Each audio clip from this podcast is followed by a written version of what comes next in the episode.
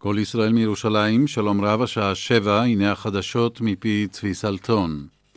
יושב ראש האופוזיציה יצחק הרצוג אומר כי התייצב הבוקר לחקירתו בלא דיחוי, וכי הוא סומך על גורמי אכיפת החוק ומודה להם על הדרך המכובדת וההוגנת שבה הם מטפלים בעניינו.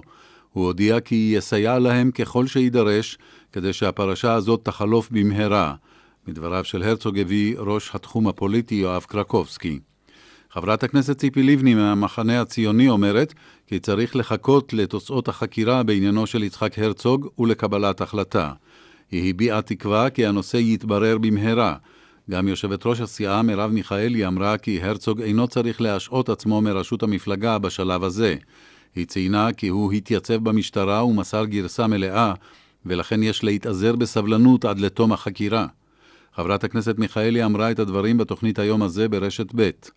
קודם לכן אמרה חברת הכנסת שלי יחימוביץ' כי חקירתו באזהרה של הרצוג מחמירה את המצב, וכי תפעל עם חבריה למפלגה ועם הרצוג עצמו להחליט אילו צעדים לנקוט.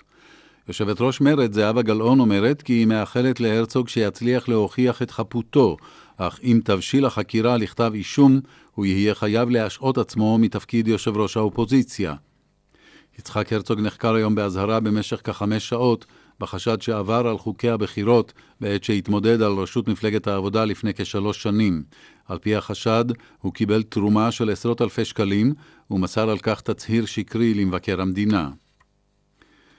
גורם פלסטיני אומר כי נציגים ישראלים ופלסטינים ייפגשו הערב בירושלים לדון בדרישת הפלסטינים להפסיק את פעילות צה"ל בשטחי A. נמסר כי מהצד הפלסטיני ישתתפו בפגישה השר לעניינים אזרחיים חוסיין א-שייח, ראש מנגנון המודיעין מג'ד פראג' וראש הביטחון המסכל זיאד א-ריח. באקוודור זינק ל-233 מניין הנספים ברעש העז, כך הודיע הנשיא רפאל קוריאה בחשבון הטוויטר שלו. קוריאה עושה דרכו מרומא לארצו כדי לטפל במצב החירום בעקבות רעידת האדמה. מוקד הרעש היה כ-170 קילומטרים מצפון מערב לבירה קיטו, ועוצמתו 7 דרגות נקודה 8. כעשרת אלפים חיילים נשלחו לאזור האסון לסייע בפעולות החילוץ. האפיפיור פרנציסקוס אמר אחר הצהריים כי הוא מתפלל לשלומם של הנפגעים ברעידות האדמה באקוודור וביפן. הוא קרא למאמיני, למאמינים בכנסיית פטרוס הקדוש להתפלל למען הנפגעים, והודה למדינות שנחלצו לסייע בחילוץ הגופות והפצועים. ברחוב מיכאל בחיפה נפצע ילד כבן חמש פצעים בינוניים בעת שנפל מגדר על מות מתכת חד. הוא פונה לבית החולים רמב"ם, כך מוסר כתבנו בחיפה דורון שפר. משרד התרבות מגדיר מיותרת את עתירת פורום מוסדות התרבות לבג"ץ בבקשה להורות למשרד להודיע מיד כמה כסף יקבל כל מוסד בעבור השנה הנוכחית.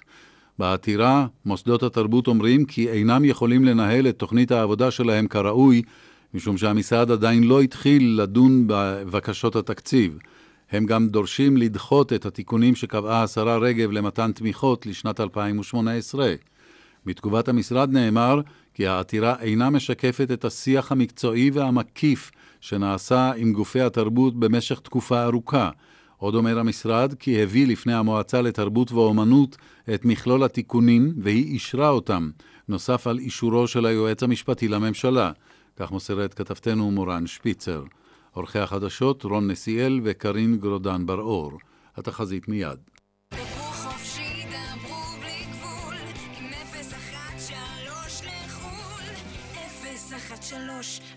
מקבוצת סלקום. מחר בלי שינוי של ממש, ביום שלישי וביום רביעי, יהיה חם מן הרגיל עד שרבי ברוב אזורי הארץ. מידות החום החזויות בירושלים מ-16 מעלות בלילה עד 27 מעלות מחר בצהריים, בתל אביב מ-15 עד 24, בחיפה מ-15 עד 25, בצפת מ-14 עד 25, בבאר שבע מ-12 עד 29, ובאילת מ-22 מעלות בלילה עד 36 מעלות מחר בצהריים. זה סוף החדשות מכל ישראל. רשת ב' של כל ישראל, כל החדשות, השידור הציבורי שלכם ובשבילכם. השעה בחסות עשרות פעילויות לפסח בהנחה ניכרת באתר הסתדרות המורים. למורים ולגננות יש רק בית אחד, הסתדרות המורים. מיד דין ודברים, אך לפני כן אנחנו עוברים אל מוקד התנועה. צביקה ושבקין, בבקשה.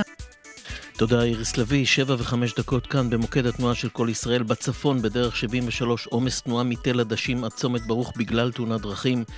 בדרך 5 עומס תנועה ממחלף גלילות עד מחלף ירקון גם בגלל תאונת דרכים. בדרך החוף צפונה עמוס מגלילות עד חוף השרון. בדרך 4 צפונה עמוס ממורשה עד רעננה מרכז. בגאה דרומה ממחלף גאה עד בר אילן באיילון צפונה עומס תנועה ממחלף רוקח עד גלילות באיילון דרומה ממחלף רוקח עד לגוארדיה. בדרך תל אביב-אשדוד עומס תנועה ממחלף השבעה עד מחלף ראשון לציון. ובדרך 471 עומס תנועה מנחלים עד מחלף נחשונים. עד כאן ממוקד התנועה של כל ישראל כוכבי 9550, ערב טוב, סעו בזהירות. איריס.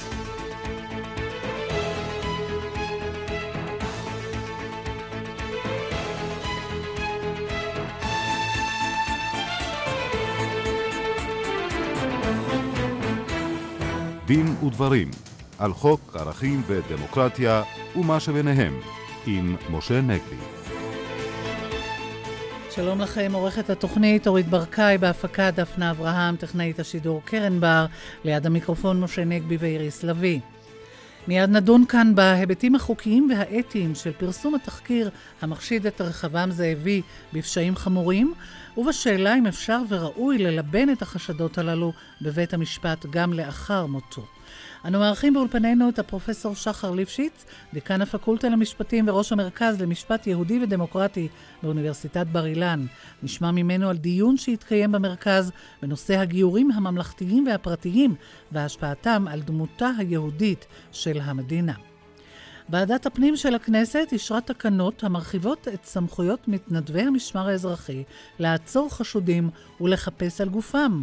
אורחנו הפרופסור אורי ינאי מבית הספר לעבודה סוציאלית באוניברסיטה העברית יתריע על השלכות התקנות הללו על זכויות האדם. זאת ועוד, זו כותרת ספרם של עורכי הדין רן לוסטיגמן ומיכל אהרוני, העוסק בעברית המשפטית. נברר עם עורך הדין לוסטיגמן מדוע חשוב לפשט ולהנגיש את השפה המשפטית. כל אלה איתנו, אבל נפתח בליל הסדר המתקרב ועל הלקחים האקטואליים שיכולה וצריכה הדמוקרטיה שלנו להפיק ממנו. משה. נדמה לי, איריס, שהמסר הערכי המרכזי שיכולה וצריכה הדמוקרטיה שלנו לשאוב מסיפור יציאת מצרים, הוא זה שחוזר בתורה לא פחות מ-36 פעמים, יותר מכל מסר מילולי אחר, ומתבטא במילים כי גרים הייתם בארץ מצרים.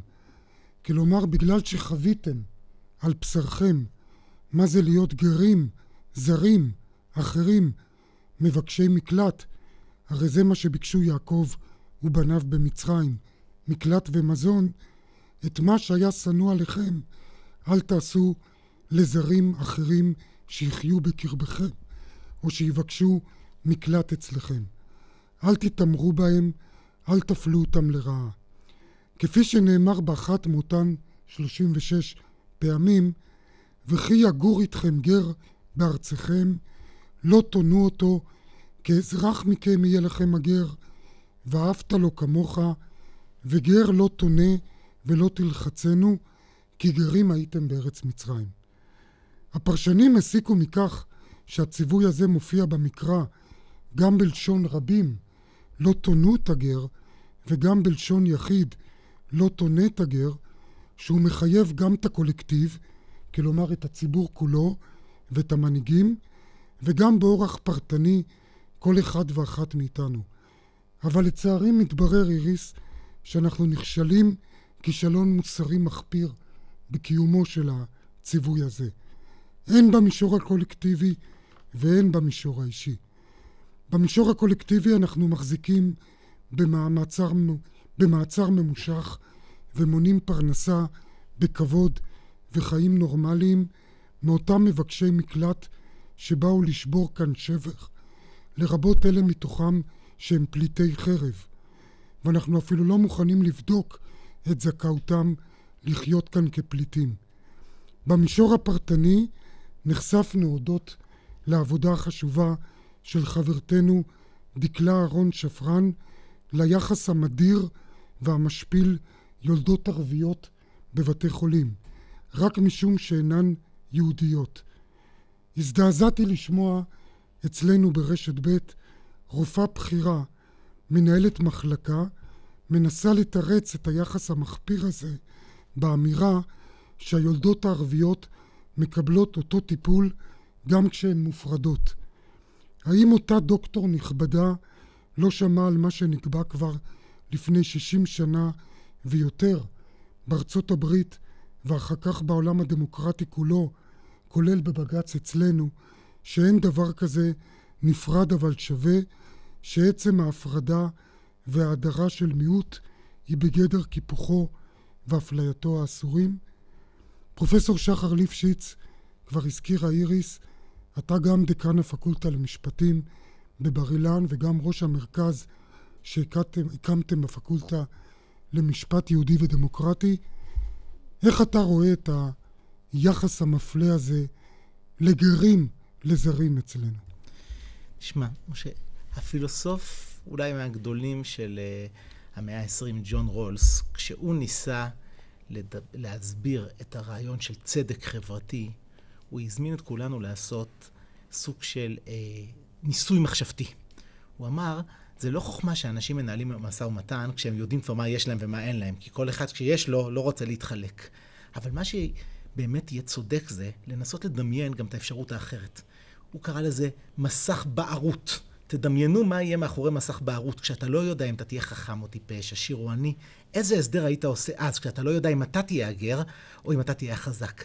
מה שיפה, אני חושב, בפסוקים האלה ש, שקראת מהתורה, זה שהתורה הולכת צעד נוסף. היא אומרת, כמו ג'ון רולס, תקבעו הסדר שמדמיין מה שיכול היה להיות, אבל לא סתם שיכול היה להיות, אלא שכבר קרה. זאת אומרת, אתם אפילו לא צריכים להתאמץ. אתם הייתם פעם גרים, ואתם יודעים איך זה מהצד האחר, אז יש לכם חובה מוסרית עצומה כשאתם החזקים לנהוג בחלש ובאחר בצורה שהייתם רוצים שינהגו בכם, ואין לי אלא להצטרף למה שאתה אומר.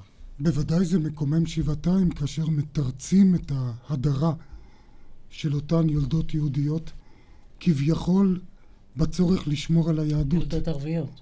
יולדות ערביות, סליחה. חס וחלילה, זה בדיוק, כשאתם אירחתם אותי כאן לפני כמה שבועות בנושא כן. הזה של מרכז יהודי ודמוקרטי, בדיוק אלה הדברים שבגללם הוקם המרכז. בגלל החרפה הזאת שיהדות ודמוקרטיה נתפסים כסותרים, בגלל המחשבה הזאת שאם, שיהדות צריכה להיות תירוץ להתנהגות לא ליברלית ולא דמוקרטית. זה בדיוק להפך. כמו שאתה פתחת בדברים שלך, דווקא המקורות היהודים יכולים להיות מקורות שמחזקים זכויות אדם והגנה על חלש, ומצד שני, גם דמוקרטיה צריכה ויכולה לתת ביטוי לחשיבה פרטיקולרית, ולכן אנחנו צריכים להיות יהודים ודמוקרטים, ולהשתמש בזהות היהודית שלנו כדי להגן על הגר. פרופסור ליפשיץ, אני רוצה לנצל את נוכחותך פה, להתחבר למשפט האחרון שאמרת, שמשתמשים ביהדות כתירוץ לפגוע בדמוקרטיה, נדמה לי שזה גם מתחבר לנושא השוויון בנטל, שכביכול בשם היהדות רוצים להצדיק אפליה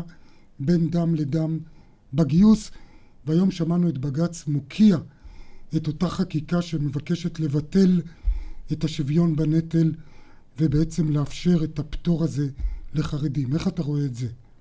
תראו, נושא השוויון בנטל הוא באמת נושא מאוד מורכב. העיקרון המוסרי הוא חד משמעי. הפרדה בין דם לדם היא משהו לא יהודי ולא דמוקרטי ולא צודק ולא שוויוני, ולטווחים רחוקים אנחנו לא יכולים לחיות עם זה. עם זאת, כן אני חושב שכאן צריך תבונת מעשה וחוכמה. למשל, אני באופן אישי הבעתי פעם את דעתי, שיכול להיות שאם מדובר על הוראת שעה של שילוב החרדים בשוק האזרחי, יכול להיות שהיה נכון למשך כמה שנים לתת פטור משירות צבאי כדי שיאפשר להם להשתלב בשוק, מה שיוליך אחר כך להגיע לצבא. המצב היום הוא שבהפוך על הפוך אנחנו לא נותנים להם להשתלב לא בשוק ולא בצבא. ולא בצבא. תודה רבה לך, פרופסור שחר ליפשיץ. אנחנו מיד נמשיך בתוכנית כאן בדין ודברים. אנחנו עוברים עכשיו לעדכון חדשותי יוסי הדר, אה, בבקשה. כן, שלום אה, איריס. אנחנו אה, עקבנו ביומן הערב אחרי ההתפתחויות בעקבות החקירה באזהרה של יושב ראש המחנה הציוני יצחק הרצוג, ועכשיו אנחנו מדווחים על תגובה ראשונה של הרצוג עצמו. אנחנו אומרים שלום לכתבנו יואב קרקובסקי. שלום יוסי, תגובה ראשונה של יצחק הרצוג לפני זמן קצר באירוע מפלגתי של סיעת ההסתדרות סיעת, סיעת העבודה בהסתדרות שמתקיים בתל אביב. יצחק הרצוג מגיב לראשונה, הוא אומר, הבטחתי שאני אגיע למשטרה ואתן את גרסתי, וגם עוקץ עקיצה די ברורה את שלי יחימוביץ', הנה הדברים לפני זמן קצר בתל אביב. זה לא סוד שבמהלך השבועיים האחרונים אני הצהרתי שוב ושוב, לאור מה שהוזכר כאן קודם, שאני אגיע בכל עת, לכל מקום, ואמסור את גרסתי, ואת זאת עשיתי הבוקר. ואם יהיה צורך, אני אגיע ואסייע ככל שיידרש, כדי שהפרשה הזו תהיה במהרה מאחורינו. כאמור, התייצבתי הבוקר ללא דיחוי. אני סומך לחלוטין על גורמי אכיפת החוק, ואני מודה להם על המכובדות וההוגנות שבטיפול בפרשה.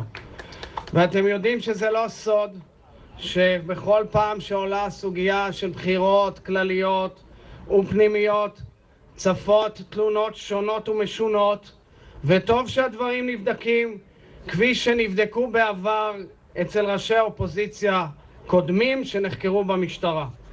תאמינו לי, אני רגוע, ותהיו אתם רגועים, ואם יש מישהו במפלגה שהוא אינו רגוע, אז כדאי שיירגע. תפקידו של מנהיג הוא להתמודד תפקידו של מנהיג הוא להתמודד עם תופעות שכאלו, להתגבר עליהן, להמשיך, להוביל ולנצח. כך יצחק הרצוג, כן. מי שצריך להירגע, שיירגע, אומר יצחק הרצוג ומכוון לאירוע שבו דיברה שלי יחימוביץ' דקות לפני כן אה, בבת ים. הוא דיבר גם על ראשי אופוזיציה אחרים, אה, נכון. קודמים. נכון, אז אה, כן. מכאן שלמעשה הקרב במפלגת העבודה ממשיך, כשבעצם החקירה של הרצוג כבר עולה שלב. לאחר שהוא נחקר באזהרה היום. יואב קרקובסקי, תודה לך על העדכון הזה, ואנחנו חוזרים לתוכנית, לתוכנית דין ודברים, בבקשה. תודה יוסי ותודה ליואב. ועכשיו לך שוב, משה, הערות עקרוניות בשולי המחלוקת שעורר התחקיר על האלוף רחבעם זאבי. משה. כן, מבחינה חוקית ואתית התחקיר הזה ראוי בעיניי לכל שבח. את ההכשר החוקי נתן כידוע כבר בית המשפט שהתיר את השידור הזה. מהבחינה האתית בעיניי המבחן הוא כפול. האמינות והעניין הציבורי. ולדעתי התחקיר עומד במבחן הכפול הזה. אמנם במשפחת זאבי טוענים שאין זה אתי להפליל אדם בפשע כאשר אין לו דרך להתגונן, אבל לטעמי כאשר יש לעיתונאי ראיות לכאורה, וכאן הובאו הרבה יותר מעדות אחת, שאלוף בצה"ל ניצל את מעמדו ודרגתו, הן למעשה אונס, הן לפשעי מלחמה, כמו הוראה להרוג שבויים וכיוצא באלה, העניין הציבורי מובן מאליו. כאן הוא אפילו מועצם פעמיים. פעם אחת, בגלל שהנצחת אותו אלוף ממומנת במיליונים מכספנו, וחשוב שתינתן לנו האפשרות לבדוק אם ההוצאה הזאת מוצדקת. פעם שנייה, הרי ממש בעצם הימים הללו, איריס, אנחנו שומעים על תת-אלוף שחשוד בעבירות מין בחיילות, והלוחם, באותו מקרה בחברון, שנחשד בחילול ערכי טוהר הנשק. כיצד אפשר להיאבק בתופעות הקשות הללו, שהרמטכ"ל הגדיר אותם בצדק כרמיסת ערכי צה"ל, בלי להתנער ממורשתו של אלוף שיש ראיות לכאורה שאנס וביצע פשעי מלחמה.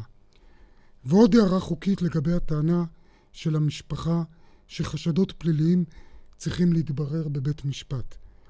יש דרך לבירור כזה. החוק אוסר גם הוצאת דיבה על אדם שמת ומסמיך את היועץ המשפטי להעמיד לדין את המשמיץ אם ההשמצה היא כוזבת. אני אישית הייתי אגב מקנה זכות תביעה כזאת גם למשפחה של המושמץ, אבל בכל מקרה היא יכולה לבקש מהיועץ להפעיל את הסמכות שלו. אך במקרה הזה, כאמור, אין לדעתי שום סיכוי לתביעה כזאת, לא של היועץ ולא של המשפחה, משום שלעומרי אסנהיים ואילנה דיין יש טענת הגנה של אמת דיברתי, והם מימשו באורח מופתי את העניין הציבורי. לגבי הטענה שזאבי לא חרג מהנורמות של תקופתו, שליחת ידיים לחיילות הייתה אולי נורמה בצה"ל, אבל בוודאי שלא מעשה אונס ורצח שבויים. עד כאן אה, בנושא הזה. ועכשיו אה, אנחנו חוזרים אה, אליך, פרופסור שחר ליפשיץ, ולכנס שקיימתם במרכז למשפט יהודי ודמוקרטי באוניברסיטת בר אילן בסוגיית הגיורים, והוא התקיים על רקע תקדים מהפכני של בג"ץ שהכיר בגיורים פרטיים. כן. אז אולי נתחיל לפני הבג"ץ. מדינת ישראל נכשלה כישלון צורף בפרויקט שהמדינה עצמה הגדירה כפרויקט לאומי, וזה הפרויקט הגיור.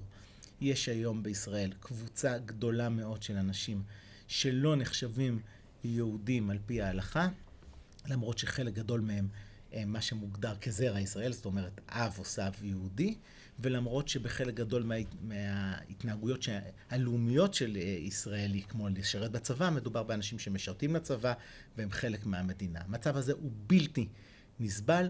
מדינת ישראל הקימה מערך גיור שאמור היה לפתור את הבעיה, והמספרים מדברים. המספרים מדברים שכמות היהודים הלא יהודים, כהגדרתו של פרופסור אשר כהן, בישראל גדלה פי ארבע מכמות המתגיירים. אז קודם כל צריך לשים על השולחן שמדובר בכישלון צורב. עכשיו השאלה היא איך פותרים אותו.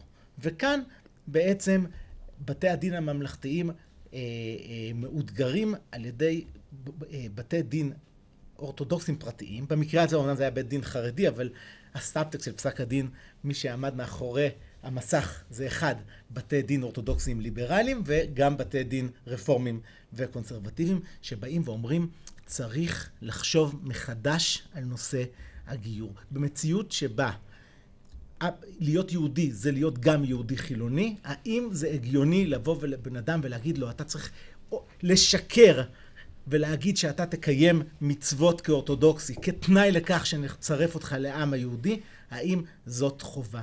יש ו... פה אבל דבר יותר חמור, שכאשר מתברר שהאיש לא קיים מצוות, הולכים ומבטלים את הגיור רטרואקטיבית, ואפילו זה משליך על הילד של אותה אישה שלא קיימה מצוות, ופתאום הילד שגדל פה כישראלי מגלה שהוא גם לא יהודי, וכתוצאה מזה גם לא ישראלי. אז תראה, יש כאן שתי נקודות והן באמת מאוד מעניינות. מי שעמד על זה זה הרב סתיו דווקא, שהיה, והרב סתיו היה... מראשי אה, צוהר, כמובן. מראשי צוהר, והעמדה ההלכתית היותר ליברלית. והוא בעצם הצביע על האבסורד שבו במשך שנים דווקא גורמים חרדים לא קיבלו את מערך הגיור, והמקרים האלה שאתה מדבר, שבו פסלו גיור בדיעבד, הם דווקא מקרים שבהם בתי דין חרדים מאוד חשבו שהמערך הגיור הממלכתי איננו הלכתי מספיק, ואז הם לא דיברו בשם האחידות. פתאום עכשיו שיש איום מהצד הליברלי, מתכנסים כולם ואומרים, מה פתאום, המדינה צריכה לדבר בקול אחד. וכאן הבג"ץ היה אירוע, כמעט הייתי אומר, מרגש. מצד אחד, הייתה את פסק הדין של הנשיאה נאור, שהיא הלכה על פסק דין שהייתי אומר הוא יותר טכני, טכני שמרני. היא באה וניתחה את הפסיקה, הראתה שלמעשה החלטת הממשלה לא יכולה הייתה, לא היה לה סמכות להחליט שרק מערך הגיור הממלכתי הוא המחייב היחיד, וניתחה את הפסיקה באופן מאוד טכני, והראתה שבעצם היא פוסעת פה בעקבות פסקי דין קודמים. זה היה ניתוח אנליטי, חשוב מאוד, אבל הייתי אומר פחות רגשי. מי שהיה מעניין מבחינה רגשית בפסק הדין, זה שני השופטים הדתיים לצורך העניין, השופט רובינשטיין והשופט הנדל, שאתם רואים את הכאב שלהם. דווקא כאנשים דתיים שרגישים לצד ההלכתי של הגיור, הם לא יכולים לשאת את העובדה שמדינת ישראל והרבנות מחמיצה את גודל השעה. וכאן הם, שניהם הלכו משני כיוונים הפוכים, הייתי אומר. השופט רובינשטיין דווקא דיבר בשמה של האחידות. והוא אמר, אולי ניתן עוד צ'אנס להבנות ועדת נאמן. אולי נצליח כן להגיע למצב של ועדת נאמן שאומרת, בוא נעשה בית דין מאוחד של כל העדות. הגיור עצמו יהיה הלכתי, אבל יהיה מקום לכל הזרמים, ולמה בעצם אי אפשר היה לנסות לעשות איזושהי פשרה, איזה מוצר מודף, שכולנו נוכל להתאחד סביבה. השופט הנדל באיזשהו מקום הלך לכיוון הפוך, לכיוון הפלורליסטי. והוא בא ואמר, תראו, בשום שלב בהיסטוריה היהודית לא היה מצב שבו אמרו רק עמדה הלכתית אחת היא הקובעת. בוודאי לא עמדה הלכתית אחת מחמירה. אתה לא יכול מצד אחד להגיד אני רוצה להיות מונופול, ומצד שני במסגרת המונופול... להדיר ב- את רוב העם. להדיר את רוב העם ולקחת את העמדות הקיצוניות ביותר, ורואים את, כמעט הייתי אומר, את הדמעות גם של השופט הנדל מכאן, וגם של השופט רובינשטיין מאידך. זאת אומרת, דווקא אנשים שהדת יקרה, יקרה לליבם, ובעצם לא יכולים לכסות על החמצת השעה ועל העובדה שהייתי אומר ברפורמה הפוכה, דווקא היום הרבנות מאמצת עמדות מחמירות שלא היה להן מקור בהלכה מראש. בזמנו אף אחד לא עושה תחקירים כל כך מסובכים, וברגע שבן אדם היה מתגייר, זהו, הוא היה הופך להיות יהודי לכל דבר, ולא היו אומרים בגלל שלא קיימת מצוות אתה לא, אתה עכשיו לא יהודי. לא היה דבר כזה לעולם, ודווקא במדינת ישראל שהייתה צריכה ללכת למקום ההפוך, אימצו חומרות שלא היו מקובלות אף פעם. אני חושב שהכנס שארגנת, פרופסור ליפשיץ, אם יורשה לי לומר, הוא מאוד מרשים, גם מבחינת האומץ לב של לקבץ באוניברסיטה, שהיא בכל זאת מזוהה עם היהדות האורתודוקסית, אה, כמו אוניברסיטת בר אילן, אנשים רבה, אישר שהיא רב, אה, אה, רבה רפורמית מצד אחד, אנשים שמייצגים את הזרם השמרני. גיור חילוני, שחר אילן. שחר אילן, אדם חילוני בעצם. שמדבר ו... על אופציה של גיור חילוני. כן, כן, בהחלט. ומצד שני, אנשים שמרניים. אה, אני מבין שזה לא היה קל, והיו גם כאלה שניסו להחרים את הכנס. אז אני אגיד לך שני דברים בעניין הזה. אחד, הבטחתי לך פה באולפן הזה, שכשאנחנו מדברים על מדינה יהודית ודמוקרטית, אנחנו נעשה את זה במגוון אפשרויות, גם מה זה דמוקרטי וגם מה זה יהודי, ויהודי אצלנו זה לא יהיה הלכתי נקודתי ברמה אחת, ואני חושב שהכנס הזה הוא רק התחלה של מה שהובטח אז. דבר שני, אכן היה מי שרמז, שכבר הסכים לבוא ורמז שהוא מבטל את בואו בשל קיומה של חלק מהמשתתפים. אנחנו אמרנו, אנחנו נשמח מאוד לארח אותך, אבל אצלנו לא יהיה חרמות, וכשהוא לא חזר בו, אז הוא לא היה. כן, עוד אה, שאלה אחת, פרופסור ליפשיץ. אה, הזכרת את שחר אילן שדיבר על אה, גיור חילוני. נדמה לי שזה היה בזמנו גם רעיון שהעלה יוסי ביילין בשעתו. ובאמת צריך לזכור, הרי הגיור, החשיבות שלו, שהוא המפתח לאזרחות, למימוש הציונות בעצם, חוק השבות.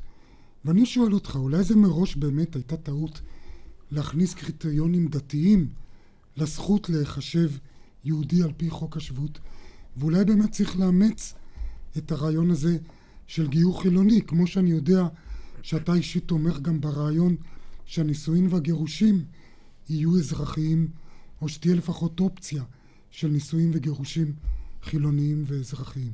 אז תראה, אז, אז אני חייב להודות שאני חצוי בנושא הזה.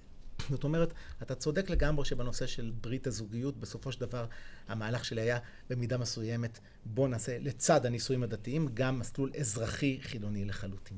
במסלול הכניסה לעם היהודי, אני עדיין מתחבר לסנטימנט של השופטים הנדל ורובינשטיין, שצריך לעשות הדת. עוד מהלך, עוד מהלך של שער כניסה אחד. אבל דווקא בגלל העמדה הזאת, אני חושב שאת הרעיון הזה שכניסה לעם היהודי, או קבלת מצוות היום, צריך לתת לה טרנספורמציה הלכתית מודרנית. קבלת מצוות היום זה נכונות להיכנס לעם ישראל. ואם עם ישראל כולל גם חילונים, אז ההלכה צריכה לפרש קבלת מצוות כנכונות לקבל את התרבות היהודית, את המסורת היהודית, ולקבל מחויבות יהודית כפי שאדם מפרש אותה, אבל אני עדיין לא התייאשתי מלנסות למצות את זה במסגרת ההלכה, לפחות בשלב הזה.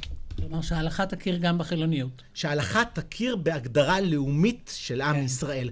זה יהיה second best, זה יהיה plan B שאני אצטער עליה אם זה יהיה מחוץ להלכה. לו יהי, הלוואי, אני מברך אותך שוב על הכנס החשוב. פרופסור שחר ליפשיץ, תודה רבה. נצא להפסקת פרסומת, עדכון חדשות, ונחזור כאן בדין ודברים, רשת ב'. קרפיון או אמנון? חריימה או גפילטה? הכי חשוב שהדג יהיה ישראלי, טרי ומאה אחוז כשר לפסח. עכשיו בננה 10, ספיישל דגים לחג. הודעה חשובה ליוצאים לחו"ל! עכשיו בעלם דיוטי פרי, שואב אבק רובוטי מבית אקו-וקס, הדגם מחדש רק ב-200 דולר. עלם דיוטי פרי, לא טסים בלי שנכנסים. הסדר הזה, הסדר הזה, כולו גולפנקו. מעצבים את הבית לחג בגולפנקו עם מגוון מבצעים חגיגיים. לדוגמה, מערכת ארבע מגבות אננס רק ב-99 שקלים ו-90. חג שמח מגולפנקו, כפוף לתקנון. מבצע כזה עוד לא היה! חוגגים פסח בביג בוקס עם 18% הנחה על מגוון מוצרי חשמל ואלקטרוניקה וגם 18 תשלומים שווים. שמעתם נכון, גם 18% הנחה וגם 18 תשלומים. אז היכנסו עכשיו ל... ביג ביג בוקס, כפוף לתקנון. החיים שלך יקרים. הצמיגים של משלן כבר לא. עוברים לצמיגי משלן.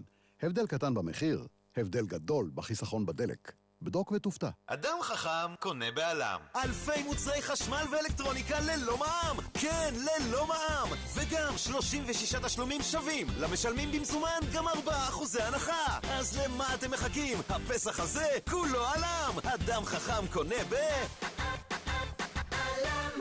שבע וחצי עדכון חדשות, צבי סלטון, בבקשה. תודה, שלום לכם. יושב ראש האופוזיציה הרצוג אומר כי הוא רגוע בעניין החקירה נגדו, וכי אם יש מישהו במפלגתו שאינו רגוע, כדאי שירגע. עוד אמר כי הוא סומך על גורמי אכיפת החוק ויסייע להם ככל שיידרש כדי לסיים את הפרשה במהרה. חברת הכנסת שלי יחימוביץ' אמרה קודם לכן כי אין ספק שחקירתו של הרצוג מחמירה את המצב, וכי היא בטוחה שטובת המפלגה והאופוזיציה לנגד עיניו. באקוודור עלה מניין הנספים ברעש ל-233, כ-1,500 נפצעו. גורם פלסטיני אומר כי נציגים ישראלים ופלסטינים ייפגשו הערב בירושלים לדון בדרישת הפלסטינים להפסיק את פעילות צה"ל בשטחי A. בתאונת דרכים בצומת חלץ שבמערב הנגב נפצעו שלושה בני אדם פצעים קשים ושלושה פצעים קלים. תחזית מחר בלי שינוי של ממש, ביום שלישי וביום רביעי עוד התחממות. זה העדכון. ליגת העל בכדורגל, פלייאוף עליון. הטוענת לכתר מכבי תל אביב מחפשת עוד ניצחון והפעם בחיפה. יום ראשון, מכבי חיפה נגד מכבי תל אביב. משה פרימו ישדר את המשחק מהשעה 8:30 בסמי עופר וברשת ב'. אוהבים טבע? אוהבים צילום? טבע עולמי, טבע מקומי, תערוכת הצילום מבית מוזיאון הטבע בלונדון ותערוכת צילום הטבע הישראלי עכשיו במוזה, מוזיאון ארץ ישראל תל אביב. עשר שנים לספרה פורץ הדרך של עליזה לביא, תפילת נשים. ידיעות ספרים משיקה מהדורה חגיגית ומהודרת ובה תפילות חדשות. מהדורת עשור מורחבת של תפילת נשים, לרגעים בחיים שבהם רוצים לדבר עם מישהו, להודות, לבקש, לפרוק מהלב או לתקן. חדש בחנויות הספרים. רחל בן אלול, המאמה נגד השף, אביב משה. מתכונים, טיפים, הפתעות. דג ישראלי טרי, הכוכב של החג. עכשיו בננה 10, ספיישל דגים לחג. אדם חכם קונה בעלם ב-36 תשלומים שווים ללא מע"מ ולמשלמים במזומן גם 4% הנחה אדם חכם קונה ב... עלם אכילו, ידעת שהגענו לרגעים המכריעים של העונה? ולא שלחת אפילו טופס ווינר אחד בקטנה? באמת? הידעת ולא שלחת? זה המאני טיים, זה הזמן לעשות מזה כסף עכשיו בווינר! ימים של הכרעות בליגת ווינר! מכבי חיפה נגד מכבי תל אביב! יודע איך המשחק ייגמר? תיכנס לתחנה, לאתר או לסלולר, ותוכל להרוויח! כי אם לא תשלח... איך תיקח? תגידו שלוש למבצע החדש שלנו בסטימצקי. שלושה ספרים ב-99 שקלים וחמישה אחוזי הנחה נוספים לחברי מועדון ולמצטרפים חדשים. ועוד המון מתנות חגיגיות לפסח. ספרים, משחקים לילדים, ספרי אומנות ומוזיקה טובה. מתנות לחג קונים רק בסטימצקי. מתוך מבחר כפוף לתקנון. אני צריך תנור. תחשוב אלקטרולוקס. וגם כירה מבצע חם מהתנור! קנו תנור בנוי אלקטרולוקס ותקבלו כיריים שבמבצע בתוספת 390 שקלים בלבד. כפוף לתקנון. מיני ליין, היבואן הרשמי. זכאים למכשיר שמיעה דרך קופות החולים? רק במדאטון תוכלו לרכוש מכשירי שמיעה מבית אוטיקון עם טכנולוגיית הבינה המלאכותית המתקדמת בעולם ותקבלו סוללות חינם לשלוש שנים. התקשרו עכשיו 1-800-200-208 איך אומרים הצלחה מסחררת באנגלית? The Habit of Labor, איש ליד מכונה, הוא סיפורו הלא יאמן של חרט, שממחרטה אחת בצריף בנהריה, הקים אימפריה שאחראית לעשרה אחוזים מהייצוא של ישראל ומעסיקה אלפי עובדים. איש ליד מכונה הוא סטף ורטהיימר, המאמין הנצחי בתעשייה הישראלית, האיש שחלומותיו מתגשמים. זהו סיפור על אהבה, אומץ ומקוריות. איש ליד מכונה, ספרו האוטוביוגרפי של סטף ורטהיימר, עכשיו בחנויות הספרים, גם בתרגום לאנגלית וגם במהדורה חגיגית בעברית. אנחנו כאן בדין ודברים. ועדת הפנים של הכנסת אישרה תקנות המרחיבות את סמכויות מתנדבי המשמר האזרחי לעצור, גם אפילו תוך שימוש בכוח, ולחפש על גופם של אזרחים. ואתה, פרופסור אורי ינאי, מבית הספר לעבודה סוציאלית ורווחה חברתית באוניברסיטה העברית, רואה בזה סכנה? אני רוצה לחזור מעט להיסטוריה של המשמר האזרחי. המשמר האזרחי נוצר ב... מיד לאחר מלחמת, אה, אה, מלחמת אה, יום הכיפור, יום יום הכיפורים. בעקבות הפיגוע במעלות, אני חושב. וכאשר צפון הארץ הפך למקום רגיש מאוד, היו שתי התקפות על נהריה מכיוון הים, ואנשי תושבי נהריה פשוט החלו נזכיר שגם לסייר, אתה מוצאך מנהריה. החלו לסייר לאורך החוף כאשר הם חמושים במשרוקיות ובמקלות על מנת להגן על היישוב. גולדה מאיר, ראש הממשלה דאז, אמרה שלא ייתכן שאנשים ייקחו לכאורה את החוק לידיים ויתחילו לסייר ללא פיקוח, משום שהתנועה תפסה לה מיד מעריצים בכל הארץ והרבה החלו להתארגן ביישובים השונים לשמור על השכונות ואז המשטרה אימצה למעשה את היוזמה הקהילתית, אימצה אותה ואמרה וזה ייקרא בשם המשמר האזרחי וכאן היה תיקון לחוק המשטרה ויש תקנות של המשמר האזרחי והמשמר האזרחי פועל בצורות שונות מאז. אז מה רע שכרגע על רקע משום שעד כה פיגועים חדשים, לצערנו? האמת היא שבחצי השנה האחרונה היינו עדים שוב להתארגנויות של תושבים בשכונות רבות שהתחילו לסייר על מנת להתריע על דמויות, אנשים, מטענים וכיוצא באלה תופעות שכדאי להתריע ולהזעיק את המשטרה. ושוב, אני רוצה לומר שמתנדבי המשמר האזרחי היו תמיד כפופים. לכללים מאוד מאוד חמורים של שימוש בכוח והתערבות, ובכל מקום הודיעו לצוות שיצא לשמירה שאין להתערב אלא להזעיק משטרה. ולהזעיק שוטרים, שוטרים מגיעים במדים, עם סמלים, עם שמות. כלומר, הם היו יכולים לעצור מישהו עד שיבוא שוטר. לעכב, לעכב. אותו. וזכות עיכוב יש למעשה לכל אזרח. כן. כלומר, כאן לא היה שום דבר יוצא דופן. מה שאנחנו רואים כרגע זאת, אה, אה, לדעתי, תופעה מאוד מאוד, מותר להוסיף, מאוד מסוכנת, משום שנותנים עכשיו לאנשים אזרחים ללא תג זיהוי. ללא הכשרה גם. ללא הכשרה, לבצע שני דברים. האחד זה לעצור אנשים, ומעצר של אנשים, שלילת החופש התנועה שלהם. ומותר להם גם להפעיל כוח לצורך זה. ולצורך זה מותר להפעיל כוח, ואנחנו צריכים להיות מאוד זהירים. אנשים זה כל אחד מאיתנו. ודבר שני, זה להיכנס לבתים פרטיים או למקומות פרטיים ולבצע שם חיפוש. או למשש, כמו שאנחנו יודעים לפי חוק המישוש. אני מקווה, שזכות, אני מקווה שזכות המישוש לא ת, תתורגם כלשונה. מה שחשוב לומר, שמתנדבי המשמר האזרחי הם אנשים מתוך השכונה. הם לא אנשים כמו שוטרים שהם אנונימיים למעשה לשכונה. אנשי המשמר האזרחי גרים שכן, ואני חושש מאוד מהיום ששכן יעצור שכן בטענות מסוימות, או לחילוף... מעל רקע חיסול חשבונות, אתה אומר. אני נזהר ממושג כל כך קשה, אבל בפירוש, אם יש בעיה בין שכנים, יכול להיות שאדם יאמר, סליחה, אני איש המשמר האזרחי, ועכשיו בתוקף התקנות החדשות, אני עוצר אותך. או לחילופין, אני נכנס אליך הביתה על מנת לבצע חיפוש, כי נראה לי... בלי שום צו, בלי שום דבר? וזאת, וזאת בדיוק הבעיה. וכל הנושא של מעצר וחיפוש כפוף להרבה מאוד כללים, חוקים, ולא ייתכן להעניק אותם למתנדבים שלא עברו הכשרה, שכנים ולקהילה, משום שאז אנחנו בונים, ואני נזהר עכשיו במילה, מין מיליציה. אנשים שיהיה להם אה, מעמד אה, שהוא מאוד מאוד רגיש, ואיש לא יודע מי ייעזר וישתמש אגב, אני מבינה שהם עוברים איזושהי הכשרה, האלה. נכון? אבל לא הכשרה מת, כמו שהשוטרים מת, עובדים לזכויות אדם. מתנדבי המשמר האזרחי מקבלים הנחיות לפני שהם יוצאים לשמירה, ולמעשה אין הכשרה. יש צוותים של אנשים במשמר האזרחי, יחידות במשמר האזרחי, למשל, מי שעוסקים בכל כל הטיפול בצוותי חילוץ למיניהם, הם נחשבים כמתנדבי המשמר האזרחי. יש גם כן יחידות מתמיד, שהם אנשי משמר האזרחי שממדים. אבל רוב המתנדבים מסתובבים... עם נשק?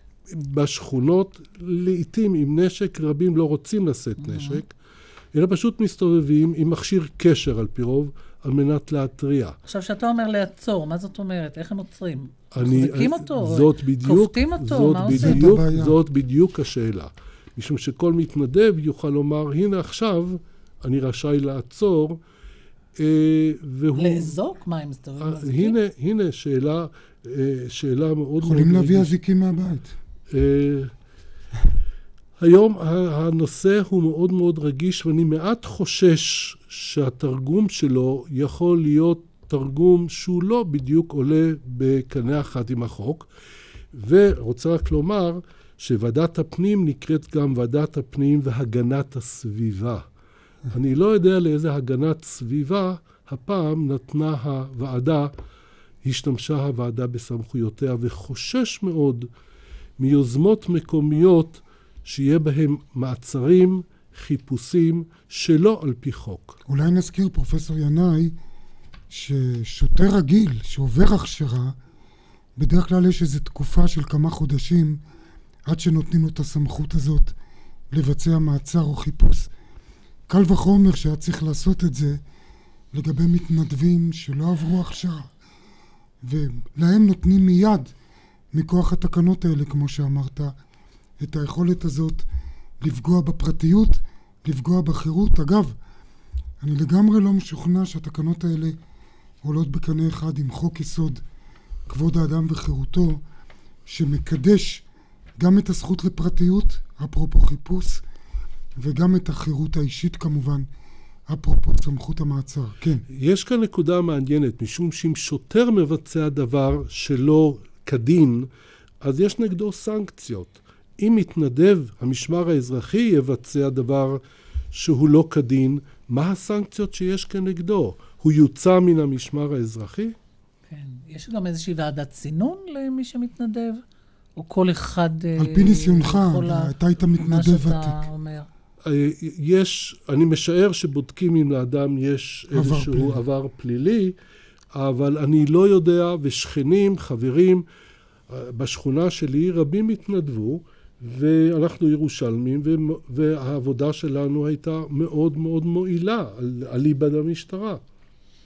טוב, זה לא הפעם הראשונה לצערנו, אה, פרופסור ינאי, שבלחץ של אה, מתח ביטחוני פוגעים בזכויות האדם בצורה לא מוצדקת. כמו שאמרת, זה התחיל מזה שגולדה מאיר רצתה למנוע שאנשים ייקחו את החוק לידיים, ועכשיו יש סכנה שבחסות ההסדר הזה אנשים ייקחו את החוק לידיים בגושפנקה של המדינה עצמה. אני חושב שאתה העלית פה סכנה מאוד חמורה, ואני מאוד מודה לך שהעלית את זה. תודה לך, פרופסור ינאי.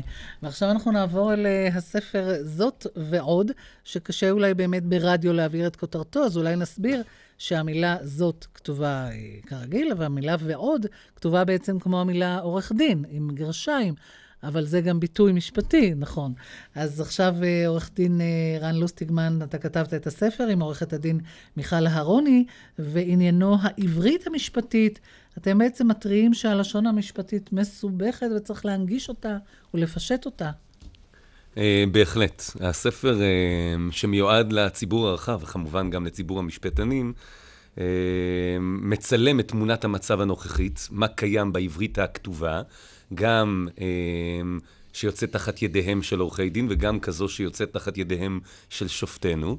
אה, וגם מבקש, כבר בתחילתו, לציין לאן היינו רוצים לקחת את אותה עברית אה, כתובה ולשנות אותה, העברית כפי היא שקורה... מסובכת מדי, הטרמינולוגיה מסובכת ולא... אז אה, נגיד כך, טרמינולוגיה, מונחים, קיימים בכל מקצוע, ואת זה לא ניתן לשרש. ולא, וגם לא רצוי לשרש. זה חלק מהשיח הפנים-מקצועי שקיים בכל מקצוע שהוא. אה, אבל אנחנו טוענים שיש הרבה מאוד דברים מעבר למינוח, שאותם. אפשר לשנות. כי דברים שהם מיותר. מיותרים. נכון מאוד. אני למשל אעמוד על מספר דברים שגורמים לכך שהדיוט, כלומר, אדם ללא השכלה משפטית, אין כל כך הרבה כאלה כבר בימינו, אבל אה, אה, מתקשה להבין מסמך שמגיע אליו מעורכי דין, או לקרוא מודעה, מודעת תכנון ובנייה שמוצבת בחוצות העיר וקוראת להתנגד, אבל השאלה אם אני מבין בכלל מה כתוב, או מקבל מכתב מההוצאה לפועל וכולי. למשל, מה הופך את זה לכזה קשה? אה, תחילה, מבחינה תחבירית, המשפטים ארוכים מאוד. ויש לזה סיבות, אבל המשפטים עצמם ארוכים מאוד, וקשה ועם מאוד... הרבה ואו. עם הרבה. נכון, עם הרבה מאוד חלופות בתוכם. אה, זה למשל דבר שיוצר קושי. מילים בארמית הרבה. מילים בארמית, שהרבה פעמים שאין בהן צורך, אין חובה חוקית על פי החוק לנקוט את אותן מילים. או לטינית. אה, יש גם לטינית, אבל היא הולכת ונכחדת אה, בימינו בגלל חוסר ידיעה. אה, מיד נדבר על חוסר ידיעה גם בנוגע לארמית. שלילות רבות מאוד, הסתייגויות רבות מאוד. אה, כך שלפני שמגיעים לפואנטה, לעיקר של המשפט, אדם פשוט מותש, אבל ולא לא, מצליח הן לא להבין. נזקקות לשם הדיוק המשפטי ולעמוד על קוצו של יוד וברחל בתך הקטנה? הנה, כבר השתמשת בהרבה מאוד ביטויים תוך כדי השאלה. התשובה היא שזה לא נדרש.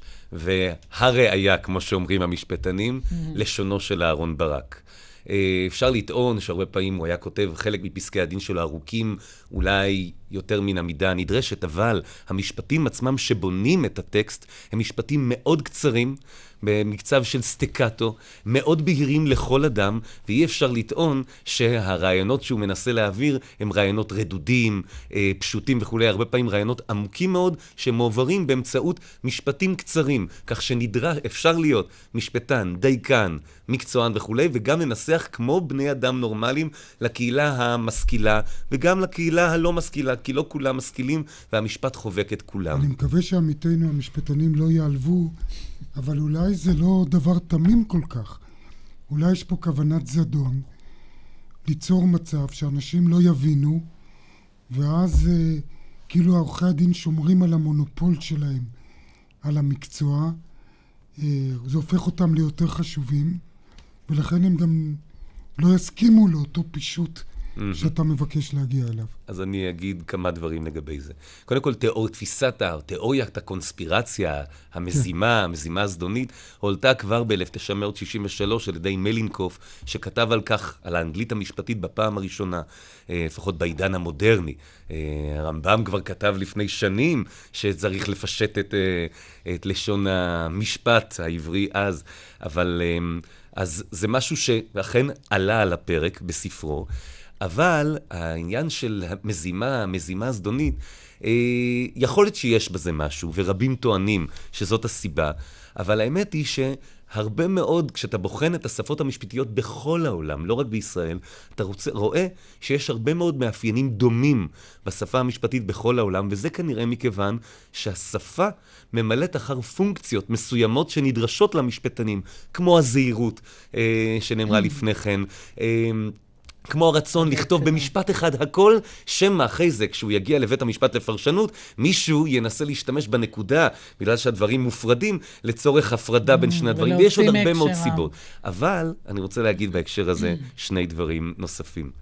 א', אה, אה, אפשר לחולל את השינוי הזה. ראינו, רואים במדינות אחרות שעשו את זה, ואני מניח שגם שם הייתה התנגדות של עורכי דין, ועורכי הדין בסופו של דבר קיבלו את השינוי. הרבה מאוד מדינות שמעבר לים, עשרות מדינות שישראל הייתה רוצה להידמות להן, כבר שנים רבות נוקטות מהלך של פישוט, של טפסים, של אה, ההוצאה לפועל, אה, לא רק בהקשר של בתי משפט, אלא בכל הממשק בין האזרח לבירוקרטיה השלטונית. אה, דבר שני, אנחנו תמיד אומרים, גם מיכל וגם אנוכי, בהשתלמויות רבות שאנחנו מעבירים, גם לקהלים של עורכי דין, שבסופו של דבר המקצוענות של עורכי הדין היא לא צריכה, לא הכל טמון בשפה, בלשון שמשתמשים בה, אלא בסופו של דבר משפטן מעולה הוא אדם שמכיר את הדין, יודע לחשוב על טיעונים מבריקים, וגם לומר אותם או לכתוב אותם בצורה בהירה, כי גם שופטים אוהבים שמנסחים את הדברים בקצרה, בבהירות, בצורה עניינית, כי אין להם זמן לקרוא ה- הררי חומר שמוגשים אבל עליהם. אתה עצמך אמרת שגם שופטים עצמם חוטאים בזה, ואולי גם עורכי הדין, בהיותם סטודנטים, כשהם קראו את אותם פסקי דין, זה מה שגורם להם להמשיך באותו כיוון. זה בהחלט אה, יכול להיות אה, הסבר מבין אפשרי. שבגלל זה אתם עושים גם השתלמויות, לא רק לעורכי דין, אלא גם לשופטים. וגם לסטודנטים. בבית המשפט העליון. נכון מאוד. אז אה, אכן כך. אה, אנחנו, אה, כחלק מהרצון לעשות את השינוי, השינוי יכול להיעשות גם מלמעלה, למטה, וגם מלמטה, באמצעות חינוך, הסברה, גם לסטודנטים, גם לעורכי דין, גם לשופטים, בכל הרמות. אנחנו פוגשים מאות ואלפים בשנה. יש הרבה מאוד התנגדויות אצל חלקם, אבל בסופו של דבר רבים מבינים שכך אי אפשר להמשיך להתנהל. אה, במיוחד בחברה שהופכת להיות פחות ופחות אוריינית. כלומר, לאנשים היום אין סבלנות לקרוא פסק בדור דין של... הוואטסאפ, אה, אומר. זה, בדיוק, לא, בדור. הוואטסאפ והטוויטר וכולי. אין, אין אה, באמת אפשרות לקרוא פסק דין כמו של רומן זדורוב, 291 עמודים, או הולילנד, 950 עמודים. כבר כתב, נדמה לי, גידי וייץ בהארץ, שהדבר הזה הוא בפירוש עוד לבנה בחומת הניכור בין בתי המשפט לציבור הרחב. אתה מביא אבל ת- ציטוט בספר של התכתובת הקצרה ביותר בעולם, התכתובת המשפטית הקצרה ביותר בעולם, נכון. בין ויקטור הוגו למוציא לאור שלו, כשהוגו רצה לדעת מה נתוני המכירה של ספרו עלובי החיים, אז הוא פנה למוציא לאור בסימן שאלה, והוא ענה לו בסימן קריאה. אכן כך. לזה עוד לא הגענו. לזה לא הגענו, ואנחנו גם לא שואפים להגיע לשם, אבל כן צריך לעלות על ה... ב... ב... בחשיבה של כל העוסקים בתחום, שחייבים גם לכתוב בצורה יותר קצרה ולהעביר את המסרים, וזה אפשרי. זה אפשרי. בכל רמה אז מה עם שהיא. אה, קל וחומר בן בנו של קל וחומר? זה רק התייפייפות או זה דייקנות? לא, כאן יש אה, בכל שפה... נזכיר אולי ביטוי של השופט אה, משה זילברג המנוח. נכון.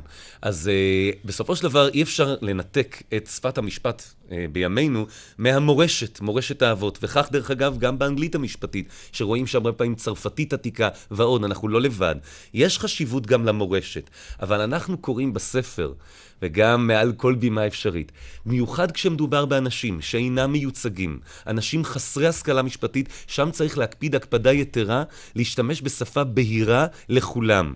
אה, ודבר נוסף מאוד משמעותי, בימינו, לצערי הרב, היומרה אולי לנקוט, בשפ... לנקוט שפה גבוהה או ארמית נותר, נותרה כפי שהייתה בעבר, אבל הידע של רבים מהעוסקים במק... במקצוע הולך ומדלדל, ואנחנו רואים הפער הזה בין היומרה לידע, שגיאות יוצר מגוחכות. שגיאות מגוחכות, שמגחיכות את הטיעון. מגחיכות את הטיעון, כלומר, כל מי שכתב רצה לצאת, נקרא לזה עכשיו בשפת Mm. העם, גדול, או אה, אה, מבריק, או אינטליגנט, עלוב. אבל יצא עלוב הנה, בסופו של דבר, ורבים מהשופטים... הסבריה של העותרת לא העלו חרס. בדיוק, יש לנו עוד הרבה מאוד ביטויים אה, כאלה. כן. כן, אה, אני רוצה לחזור לעניין של אורך המסמכים ופסקי הדין. יש היום בעצם המלצה של אה, השופט משה גל בעניין תקנות אה, הפרוצדורה האזרחית, שהוא מציע להגביל את האורך של כתבי הטענות, ואולי גם מחר מישהו יציע להגביל את האורך של פסקי הדין ממש בחוק. אתה היית תומך בזה, ללכת עם אה, מכת פטיש של החוק ולהגביל את עורכי הדין? אני לא חובב גדול של מכות פטיש. אה, בנוגע לפסקי הדין, אז יש העניין של עצמאות השופ- השופטים, ובזמנו השופט גרוניס, הנשיא גרוניס התנגד נחרצות לעניין הזה, ואמר לדעתי תשובה נכונה, שבהשתלמויות השופטים, יש כבר מספר שנים, השתלמויות שאני גם אה, נותן למשתתף בהן, שבהן קוראים לשופטים לקצר. ויש הרבה מאוד דרכים איך להשיג את הקיצור, אבל לקבוע בדין שפסק דין לא יעלה על עשרה עמודים או חמישה עמודים, זה נראה לי קצת uh, מרחיק מוגזם, לכת. כן. אבל אני חושב שהשופטים, וגם עורכי הדין, אם הם קצת יחשבו על הזמן שלהם, הם יבינו שהרבה פעמים... ברגע שאתה מקצר, הרבה פעמים אתה חוסך לעצמך בזמן, לא רק לקהל הרחב, ובעומס הקיים היום, זה משרת אותך עצמך הרבה פעמים, במקום לפ- לפצוח מן הסתם, הם בדוקטורט. חושבים שמשהו הולך לאיבוד. פרופסור שחר ליפשיץ, מה אתה אומר לגבי הסטודנטים שלכם בקטע אז הזה? אני רוצה להצטרף בדבר אחד, אבל להביע איזושהי הערת אזהרה בהיבט אחר. בהיבט אחד אני מאוד מסכים, ודווקא בכובעי כמרצה לדיני חוזים שכולל גם צרכנות, יש מחקר היום בארצות הברית שמראה שהרבה מאוד חוקים שמטרתם הייתה חובת גילוי, כל מיני דברים שהכריחו אנשים בחוזה להראות לצרכן דברים, נכשלו כישלון נחרץ. וכשמנס... כישלון חרוץ, וכשניסו להבין למה הם נכשלו את הכישלון הזה, בגלל בליל המידע הזה. בעצם על כל חובת גילוי הצליחו לעמם את החוזה בצורה כזאת שהגילוי לא באמת התגלה, ובמובן הזה, אני לא יודע אם זאת תורת קונספירציה. והסעיף השני, כי אנחנו הש... מתקרבים לסיום. הסעיף השני, אני כן חושב שדווקא בגלל שיש לנו בעיית שפה בציבוריות הישראלית, ובעיית מכובדות. וסגנון. וסגנון, כן אולי צריך למצוא את הדרך, לאו לא דווקא על ידי אורך, אבל לבדל את השפה, הרחוב מהשפה המשפטית, המשפטית. כי, כי זה כן חלק מהכבוד שאנחנו נותנים למשפט ולבית המשפט. משפט אחד אחרון, שאנחנו בפירוש לא קוראים לרדידות. הזכרתי מקודם את אהרון ברק, לא קוראים לרדידות, אבל יש דרכים אחרות. לדעתי, המצב הנוכחי יוצר ניכור, ניכור גדל והולך, תורם לניכור שאולי קיים בין בתי המשפט לציבור, וחבל. אז תודה רבה לכם על הספר הזה, זאת ועוד, דיוקן אה, העברית המשפטית בישראל. אה, תודה לכם, אה, עורך דין רן לוסטיגמן ומיכל אהרוני, שכתבתם יחד את הספר. לפרופסור שחר ליפשיץ, לפרופסור אורי ינאי, עורכת התוכנית אורית ברקאי, מפיקה דפנה אברהם, הטכנאית קרן בר, באולפן היינו משה נגבי ואיריס לביא. ניתן להאזין לנו באתר רשת ב' וגם ביישומון כל ישראל. אנחנו נשוב בשידור חי של דין ודברים ביום ראשון הבא, ובינתיים כאן מהאולפן, חג שמח לכולם, להתראות. אני יודעת, לפעמים פסח הוא יציאת מצרים. סידורים, ניקיונות, שיפוצים, כאן ליד קופלד מבלקולד. לכבוד הפסח, אני מזמינה אתכם להאיר את הבית, הגינה, הסלון והמטבח בגופי תאורת לד מעוצבים. גופי תאורה מאלומיניום, שקועים או צפים, גופי תאורה שיאירו לכם את החג. חפשו בגוגל ויהי אור, או התקשרו אלינו ישירות למפעל בלקולד. 1-800-40-30-40 פסח שמח ומואר. כשאנו קונים רכב חדש, אנו יוצאים לנסיעת מבחן, בודקים, ורק אז מחליטים. וכשאנו חושבים על מעבר לדיור מוגן, איך נדע אם לא ננסה? כאן חיים ברקן, מנכ"ל בית גיל פז. אני מזמין אתכם לחמישה ימים של אירוח ברמה של חמישה כוכבים בדיור המוגן שלנו בכפר סבא. לקבל דירה מפנקת, ליהנות מהבריכה, מהרוחות, מפעילויות התרבות, להתנסות ולהחליט. לאירוח בגיל פז התקשרו 1-700-55-70-80. השעה בחסות הלוואה למורים, עד 40 אלף שקלים בלי ריבית והצמדה למעבירי משכורת בבנק מסד. למורים ולגננות יש רק בית אחד, הסתדרות המורים. הודעה חשובה ליוצאים לחו"ל, עכשיו בעלם דיוטי פרי. סמארטפונים מתקדמים של LG במחירים שאסור לפספס. לא טסים בלי שנכנסים, עלם דיוטי פרי. תבחר דג, תבחר בשר, תבחר לימון, תבחר מתי, תבחר היכן, תבחר בך, באהבה שלך. למטבח, לבישול, תבחר טיב טעם. ועכשיו, פילה סלמון קפוא ב-49 שקלים ו-90 אגורות לקילוגרם בלבד. ועוד מגוון מוצרי חג שתאהבו במיוחד. טיב טעם, We love food. המבצעים לחברי מועדון ולמצטרפים חדשים. מחפשת קרם anti aging יעיל נגד קמטים? תסמכי על הדוקטור, דוקטור אור. דוקטור אור פיתח גם את רטיניו פלוס, קרם לחות מחדש נגד קמטים המכיל רטינול, זוכה פרס מוצר השנה 2016. את סדרות מוצרי דוקטור אור לטיפול ולטיפוח פיתחו רופאי אור. ועכשיו במבצע, כל מוצרי דוקטור אור ב-30% הנחה. תסמכי על הדוקטור, דוקטור אור. מתנות קטנות קיבלתם תווים או כרטיס נטען לחג? בואו לממש אותם במשביר לצרכן, נוסף על הנחות החג המיוחדות. תו הזהב, חבר, ישראכרט, הסתדרות וארגון המורים, קרנות השוטרים, לאומי קארד, רמי לוי, יינות ביטן ועוד. המשביר לצרכן, כפוף לתנאי המבצע ולתנאי המימוש של כל תו. הודעה חשובה ליוצאים לחו"ל, עכשיו בעלם דיוטי פרי. סמארטפונים מתקדמים של סמסונג במחירי דיוטי פרי. לא טסים בלי שנכנסים, עלם דיוטי פרי.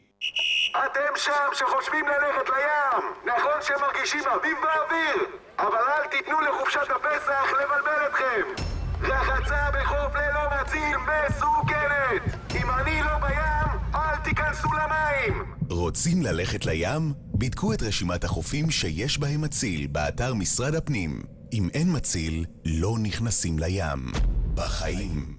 הרימו יד, הזיזו אותה ימינה, שמאלה, ימינה, שמאלה, עכשיו תגידו ביי לרכב שלכם.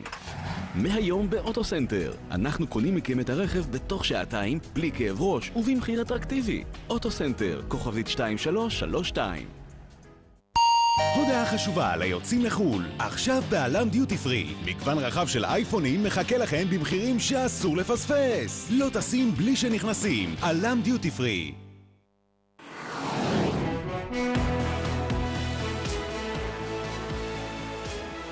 רשת ב' של כל ישראל. אנו עוברים עתה אל הטלוויזיה הישראלית, הערוץ הראשון, לשידור מהדורת מבט.